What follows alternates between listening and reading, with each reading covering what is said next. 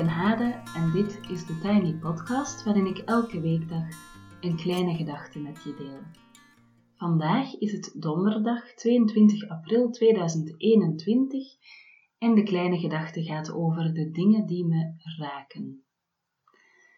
En gesproken over dingen die mij raken, wil ik eerst even Nele en Eline bedanken. Zij hebben uh, mij getrakteerd op een kopje koffie ik denk dat ik dadelijk na deze opname dat kopje koffie maar even ga halen uh, bij Native, een koffiezaakje hier vlakbij. Um, in de show notes staat een betaallinkje. Um, als je wil, kan je daar gewoon vrijblijvend uh, mij mee trakteren op een kopje koffie. Um, en dat is soms heel letterlijk. elke weekdag een podcast maken vraagt natuurlijk een behoorlijke dosis koffie om uh, uh, goed wakker te blijven en uh, nou ja, dat draadje goed vast te houden, zeg maar. Maar um, ik gebruik die bijdrage ook om de podcast te verbeteren. Dus om de zoveel tijd uh, boek ik een um, sessie met Lisa Jansen van de podcastschool om samen te kijken naar de podcast en dan kijken we bijvoorbeeld hoe het technisch beter kan, uh, welke stappen ik kan zetten om de podcast beter uh, of slimmer of anders te maken. Ik ga het vandaag hebben over de dingen die mij raken. De laatste dagen was ik een beetje in een kokonnetje. Um, ja, kan natuurlijk veel redenen hebben. Um, en het is niet onlogisch, denk ik, dat ik wat minder in mijn energie zit. Want het is best een drukke periode geweest met ook een kind. Mijn dochter, de kleinste van de hoop, uh, die ook flink ziek is geweest en dat maar liefst bijna drie weken lang. Um, en dat zette mij aan het denken, dus zo het gevoel hebben dat ik in een kokonnetje zat, met een soort van dikke schil, waardoor ik niet echt naar buiten kon, zette mij aan het denken Um, corona heeft volgens mij het extreme introverte binnengebracht in een toch wel zeer extraverte wereld en maatschappij. Een wereld waarin we zichtbaar moeten zijn, moeten spreken, moeten klinken, in beeld moeten zijn en op het netvlies moeten komen. Een wereld waarin we naar buiten gingen elke dag om er te staan, om ons te begeven onder anderen en best veel anderen op overvolle treinen, metro's, op grote events, concerten, in drukke steden, kantoortuinen, uh, restaurantjes, koffiebarretjes, noem maar op. En plots, iets meer dan een jaar geleden, werd die wereld introvert. We bleven thuis, binnen, bij onszelf en dus vaak ook bij een beperkt aantal anderen, die er dan wel heel de tijd waren. Dat dan wel weer um, en qua zichtbaarheid um, merk ik duidelijk dat dat online zichtbaar zijn en het daar naar buiten treden op social media, dat dat echt maar doorging en gaat. Um, en dat doe ik zelf natuurlijk ook. Ik ben van nature introvert, maar ik heb een heel sterke drang, maar echt extreem tot schrijven en creëren. Tot en met dat ik heel ongelukkig word als ik dat niet kan doen. Um, en daarom zit ik hier elke dag een Tiny Podcast op te nemen. Elke weekdag. En natuurlijk is totaal niet alles wat ik vertel van belang, verre van. Maar ik geloof dat er verhalen zijn die verteld moeten worden en gedachten die gedeeld moeten worden. En ik probeer dit kanaal, deze podcast, daarvoor uh, eigenlijk open te houden. Alsof je een soort van kanaal installeert waardoor bepaalde boodschappen kunnen uh, gedeeld worden of in de wereld kunnen komen. Zo was er deze week een Tiny Podcast met het geheim van de vrouwencirkel door Sandra. Dat was op dinsdag. Sandra die vertelde zich te laten dragen door andere vrouwen in cirkels in een moeilijke periode in haar eigen leven op het moment dat ze zelf geconfronteerd werd met een relatiebreuk. Um, en ik was echt geraakt. Ik vond dat er heel veel wijsheid en rust sprak uit hoe ze dat vertelde zonder verwijt. Um, maar eigenlijk zo heel natuurlijk van het ene moment draag je zelf cirkels en initieer je ze. En het andere moment kies je ervoor om je te laten dragen door andere vrouwen. Ehm, ja, dat vond ik ontzettend wijs en uh, ja, heel helder. Um, en ik denk, fijn dat mijn podcast als kanaal er was, want ik moest dat zelf horen, zodat het goed is dat je de ene keer draagt en initieert en de andere keer gedragen wordt. En uh, ik hoop dat een aantal andere vrouwen die het ook moesten horen, dat die het ook gehoord hebben. Um, en die misschien in plaats van dat vreselijke lean in, nu even achteruit gaan leunen. Gaan voelen of er inderdaad een steuntje is in die rug, uh, of er gedragen kan worden um, en of je je daar soms aan kan overgeven.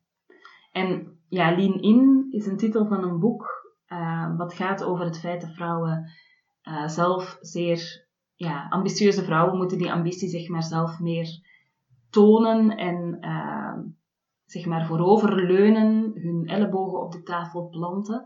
Dat beeld krijg ik bij die titel. Uh, ik heb ook wel wat over het boek gelezen, maar het boek zelf nog niet. Mm. Um, ik ben zelf voorstander, maar ook heel zoekende van um, als je als vrouw ambitieus bent en je wil in de wereld iets creëren of iets in de wereld brengen, dat je dat dan niet moet doen op een mannelijke stevige, aanwezige, luide, um, ja, ja, prominente manier, maar dat je dat ook vanuit je vrouwelijkheid op een zachte vrouwelijke manier zou kunnen doen. En dat het heel fijn zijn, zou zijn als beide manieren uh, in onze maatschappij gewoon welkom en um, gerepresenteerd zouden worden. En dan bedoel ik niet dat elke vrouw dat op een vrouwelijke manier moet doen en elke man op een mannelijke manier, maar dat dat zeg maar, nou ja, dat het niet sowieso is dat die ene manier die door mannelijke krachten en kwaliteiten geïnstalleerd is de voorbije 50 jaar of zo, dat dan niet de manier is waarop wij of waaraan wij ons allemaal moeten aanpassen om in de wereld iets gedaan te krijgen of iets van ambitie gerealiseerd te krijgen. Uh, dit is natuurlijk allemaal uh, de boodschap van een uh, soort van slowe ondernemer. dus ik weet niet of ik daar een lichtend voorbeeld in ben. De laatste dagen, ik heb het al verteld, was ik in een heel introverte mood en was ik ook een beetje daarover aan het nadenken, over dat introverte en extraverte en de rol van corona daarin. Um, en ik zie ook dat mijn leven heel introvert is ingericht met een kantoortje. Ik heb bijvoorbeeld recent de vraag gekregen om dat te delen. En financieel zou het natuurlijk interessanter zijn om dan ook de huurprijs te delen. En toch doe ik het niet, omdat ik weet dat ik mijn eigen sacred space, mijn eigen ruimte dan kwijt ben. En dat die voor mij van levensbelang is om mij uh, mentaal goed en gezond te voelen. Ik ben een soort loner en ik werk meestal alleen. Um, en als het goed gaat met kinderopvang, um, wat de laatste tijd toch wat verstoord was door en ook zieke kinderen en zo. Maar um, als dat allemaal goed gaat, dan zit ik hier vaak hele dagen alleen en dan breng ik dus best veel tijd alleen door.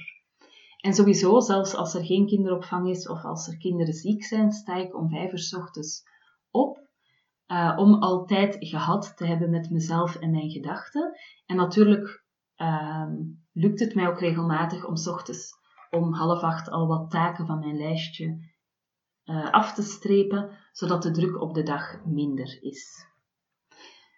Um, de laatste dagen zat ik dus heel erg in mijn introvert uh, kokonnetje. En wat ik dan wel mooi vind, het lijkt dan alsof ik een soort van stolp over mij heen heb die mij uh, van de wereld afscheidt. En daar breken dan toch, doorheen die stolp, breken toch wat dingetjes heen. Ik kreeg bijvoorbeeld um, een bericht via Instagram van een vrouw die me vertelde dat ze huilde bij het lied Sister, waarmee ik telkens de podcast over de vrouwencirkels op dinsdag afsluit. En dat vond ik zo fijn dat die vrouw de moeite had genomen om dat even te delen.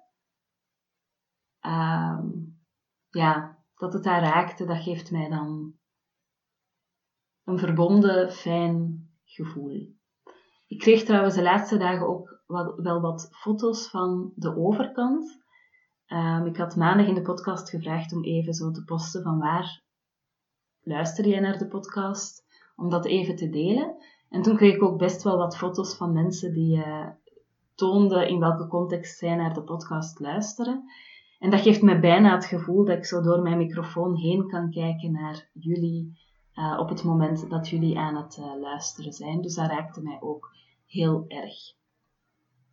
Nu, ik zat in mijn kokonnetje en ik hoorde het klepje van mijn brievenbus. En toen viel er een brief op de mat in een roze envelop.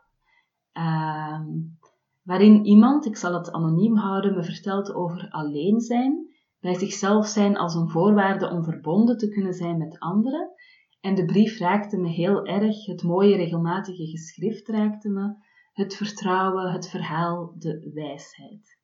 Deze brief was geschreven naar aanleiding van mijn aflevering over solo retreats of op workation gaan, uh, dus een soort van werkvakantietje doen met jezelf. Uh, en bij deze dank je wel aan de schrijfster. Mijn dochter brak uh, laatst ook door die cocon. Um, de laatste tijd doen we weer slaapcoaching en dat betekent dat zij dus moeten slapen en dat wij dan even op de kamer blijven uh, om een gevoel van veiligheid en aanwezigheid te creëren. Dus nou, ik lag zeg maar in het extra bed dat daar dan staat te wachten tot ze sliepen. En na een kwartier stilte, toen ik dacht, nou, ik kan wel gaan, kwam er plots een stemmetje vanuit één bed. Um, en toen vroeg Janne, Moeke, mijn meter, heet die Eva? dat vond ik zo schattig dat ze blijkbaar zo in haar kleine hoofdje lag na te denken over de mensen in haar leven. Um, ja, dat doet mij altijd beseffen dat mijn kinderen echt mensjes zijn met eigen gedachten die ik niet ken, of niet allemaal. En dat vind ik wel echt heel bijzonder. Um, wat nog door dat kokonnetje heen kwam, een dierbare vriendin sprak een bericht in en op de achtergrond hoorde ik de geluiden van haar baby. Um, het allerlaatste plekje van de cursus Stem je innerlijke criticus is deze week ook uh, ingevuld. Um, en dat doorbreekt dan ook even de twijfel die ik ook heel vaak voel, omdat het niet altijd zo makkelijk of zo vlot gaat. Ik heb het gevoel dat die cursus bijna natuurlijk volliep. Uh, met als kers op de taart die laatste inschrijving en daar was ik natuurlijk heel blij mee. Mm. Wat nog door het kokonnetje brak, een gesprek met de buurvrouw. Die, uh, en we ontdekten eigenlijk in dat gesprek dat we naar elkaar toe de schijn rond een aantal dingen beiden hoog hielden, terwijl we eigenlijk met dezelfde thema's en issues bezig zijn. Um, iemand mailde me ook uh, als reactie op de podcast dat ik best een oude podcast kan hergebruiken omdat ze waardevol zijn um, en niet echt aan de tijd gebonden. En dat vind ik heel lief. Um, en ik leg bij deze ook even uit waarom ik dat niet doe. En dat is omdat ik uh, mezelf echt in het ritme moet, ritme moet houden van één podcast per weekdag. Uh, want anders ga ik onderhandelen met mezelf en dan laat ik het los. Uh, ik denk dat dat ook de reden is waarom drie keer sporten voor mij per week dat dat nooit werkt. Ik denk dat ik ofwel elke dag moet sporten, ofwel nooit sport. Maar zo die tussenweg van drie keer per week, dat is voor mij veel moeilijker dan iets elke dag doen. En nog iets dat door mijn stolpje heen kwam. Uh, achter de schermen ben ik opnieuw bezig met de Tiny Webshop.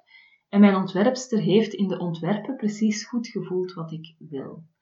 Het is een project waar ik al sinds de vorige zomer mee bezig ben en wat echt wel voelt als een soort gigantische berg die ik vooruit moet duwen. Ik vind het spannend en risicovol en het vraagt dat ik heel sterk ga inzetten op plannen, organiseren, vooral ook aansturen. Iets waar ik van nature niet zo goed in ben. Uh, maar als ik weer voel hoe het is om met liefde iets aan iemand te sturen, uh, ik word daar altijd warm van als ik bijvoorbeeld, ik mocht uh, vorige week twee pakjes versturen met de kaartenset. Die hoort bij de 30 Days of Morning Pages. En voor mij is altijd een heel warm en fijn gevoel om zo'n pakje klaar te maken en dat echt met liefde de wereld uh, in te sturen. En dan denk ik, ik zou daar denk ik toch echt blij van worden als ik dat dus met de webshop elke dag zou mogen doen. Stel je voor. Wat er binnenkort alleszins op het programma staat, ben ik heel enthousiast over, um, is dat ik heel veel post mag versturen, hopelijk. Um, die hoort bij het online festival, Tijd voor Mij Festival op 9 mei, van 8 tot 10. Um, ehm, ik had aanvankelijk een heel basic ideetje over post die bij het festival hoorde. En intussen is dat al uitgebreid uh, naar een speciaal productje dat te maken heeft met poëzie. En dat Evelien, mijn partner van de Poëziepauze op vrijdag, en ik uh, speciaal aan het ontwikkelen zijn voor de deelnemers van het festival. En daar kijk ik al naar uit dat ik dat dan binnenkort allemaal mag vouwen en uh, al die enveloppen mag uh, vullen en met een pak post naar de brievenbus mag lopen en mij dan verkneukelen op al die mensen die dan uh, ingeschreven hebben voor het festival en die dan een leuk pakje post ehm, op de deurmat vinden. Inschrijven voor het festival kan trouwens nog steeds ehm, via de link in de show notes. En tot zover de podcast van vandaag. Je kan me volgen op Instagram, TheTinyPodcast. Als je je abonneert via bijvoorbeeld Google of Apple Podcast, in Spotify of in je favoriete podcast-app, krijg je telkens de nieuwste aflevering in je overzicht. En dat is dus elke weekdag. Als je de podcast doorstuurt naar iemand die er ook graag naar luistert, of hem deelt op social media, help je me om de podcast te laten groeien. En voor nu wens ik je een fijne dag en heel veel goeds.